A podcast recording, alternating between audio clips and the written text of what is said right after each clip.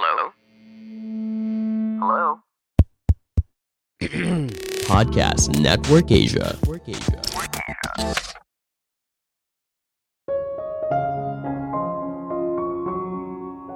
Bisnis perbankan adalah soal kepercayaan dan persepsi. Ketika nasabah merasa sebuah bank mengalami masalah dan berlomba-lomba menarik uangnya, bank yang sehat sekalipun bisa jadi korban. Halo semuanya, nama saya Michael. Selamat datang di podcast saya, Sikutu Buku. Kali ini saya akan bahas kegagalan bank terbesar di Amerika Serikat pasca krisis ekonomi dunia pada tahun 2008. Silicon Valley Bank merupakan bank ke-16 terbesar di Amerika Serikat dan merupakan bank favorit para perusahaan teknologi startup dan venture kapitalis terbesar. Selang beberapa hari, bank itu kolaps. Bisikan kalau Silicon Valley Bank berada dalam masalah besar telah menyebar liar melalui pesan di grup dan Twitter. Para pemilik deposito berlomba-lomba untuk menguras rekeningnya masing-masing. Dalam sehari, 672 triliun rupiah telah habis dikuras. Pada tanggal 10 Maret 2023, pemerintah mengumumkan kalau Silicon Valley Bank telah gagal dan telah diambil alih oleh pemerintah. Peristiwa ini membangkitkan kembali memori buruk krisis ekonomi tahun 2008, di mana bank besar juga mengalami kolaps.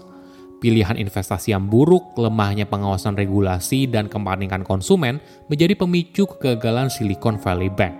Sebelum kita mulai, buat kalian yang mau support podcast ini agar terus berkarya, Caranya gampang banget. Kalian cukup klik follow.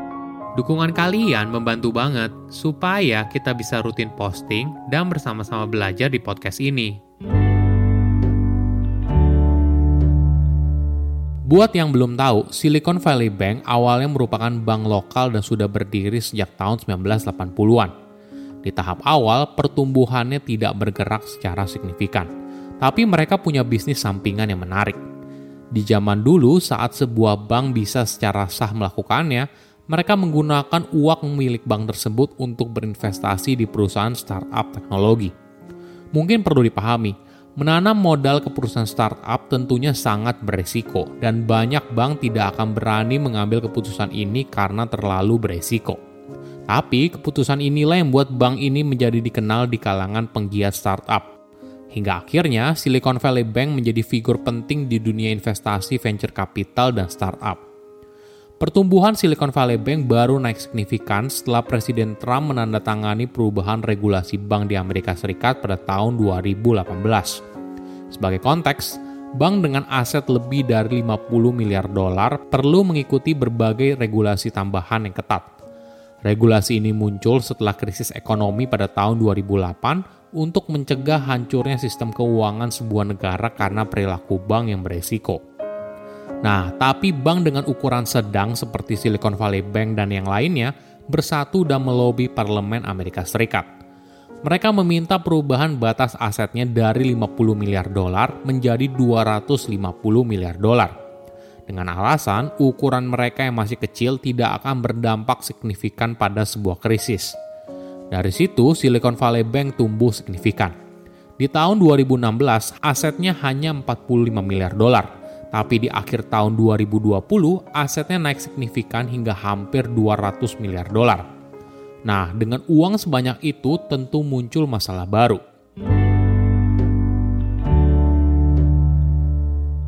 Oke, mungkin kita perlu belajar sedikit soal cara kerja bank. Secara umum, ada dua sisi bisnis yang dijalankan. Di sisi pertama adalah soal konsumen bank, di mana saya, kamu, dan para pengusaha teknologi itu menaruh uang di bank. Ibaratnya kita memberikan pinjaman jangka pendek kepada bank karena kita bisa mengambil uang kita kapan saja. Lalu, bank akan menaruh uang tersebut ke produk investasi jangka panjang. Sederhananya, meminjamkan uang itu dalam periode yang lama, misalnya pada obligasi pemerintah dan beberapa produk keuangan lainnya. Dalam kondisi ekonomi yang normal, semua tidak masalah dan berjalan dengan baik. Tapi Amerika Serikat sedang tidak dalam kondisi yang baik-baik saja. Suku bunga yang tinggi membuat keputusan ini jadi beresiko mungkin perlu dipahami, pada dasarnya bank adalah sebuah institusi yang rentan.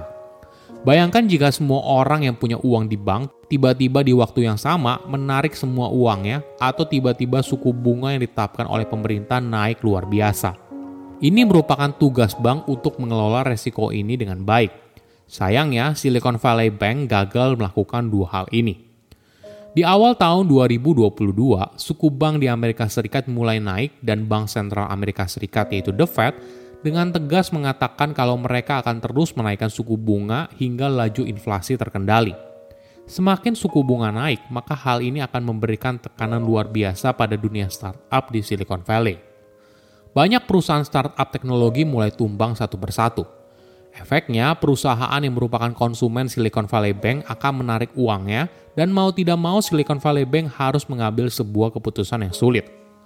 Mereka memutuskan untuk menjual semua portofolio mereka di obligasi pemerintah senilai 336 triliun rupiah dalam waktu 24 jam dan mengalami kerugian 32 triliun rupiah. Nah, keputusan ini membuat para konsumennya menjadi panik dan takut. Kenapa? Karena Silicon Valley Bank bersedia menerima kerugian sebesar itu dari sebuah investasi yang sangat aman. Artinya, bank tersebut sudah kehabisan opsi untuk menyediakan dana bagi nasabah yang ingin mengambil uangnya. Dari situ, kepanikan semakin meningkat.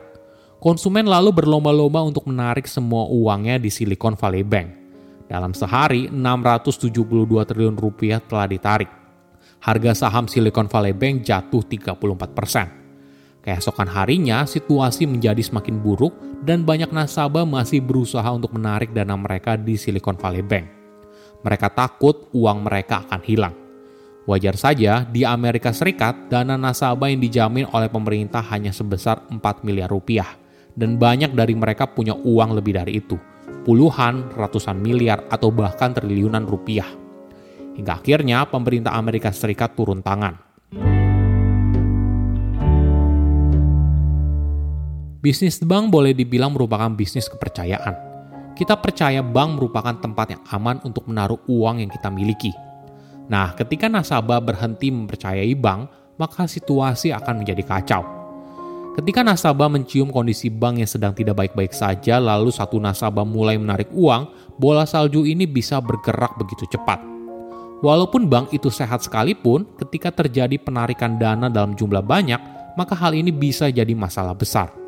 Solusi satu-satunya adalah mencegah kepanikan itu terjadi di awal. Itulah kenapa kita punya lembaga penjamin simpanan atau dikenal dengan nama LPS, di mana nilai simpanan yang akan dijamin oleh LPS paling tinggi sebesar 2 miliar per nasabah per bank sejak tanggal 13 Oktober 2008. Tujuannya, apabila terjadi hal semacam ini, maka masyarakat tidak perlu panik dan ikut memperburuk keadaan, karena ada pemerintah yang menjamin sesuai syarat yang berlaku. Tapi sayangnya, nasabah Silicon Valley Bank punya uang yang jauh lebih besar dan mereka akan melakukan apa pun agar uang mereka bisa kembali. Jadi ketika kasus seperti Silicon Valley Bank, pemerintah perlu memutuskan apakah mau jadi regulator atau penyelamat. Artinya, apakah bank tersebut dibiarkan bangkrut atau diselamatkan. Di kasus ini, pemerintah Amerika Serikat memutuskan untuk menyelamatkan Silicon Valley Bank dan memastikan setiap nasabah akan mendapatkan uangnya kembali tidak peduli apakah uang yang mereka miliki jauh di atas angka yang dijamin oleh negara. Ibaratnya, apabila kamu punya 14 miliar, maka uang kamu akan kembali. Apakah ini happy ending dari krisis Silicon Valley Bank? Atau awal mula sebuah krisis ekonomi yang besar? Silahkan komen di kolom komentar pelajaran apa yang kalian dapat ketika tahu informasi ini. Saya undur diri, jangan lupa follow podcast Sikutu Buku. Bye-bye.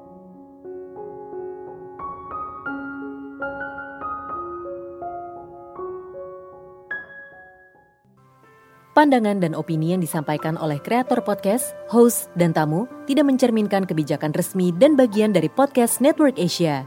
Setiap konten yang disampaikan mereka di dalam podcast adalah opini mereka sendiri dan tidak bermaksud untuk merugikan agama, grup etnik, perkumpulan, organisasi, perusahaan, perorangan, atau siapa pun dan apa pun.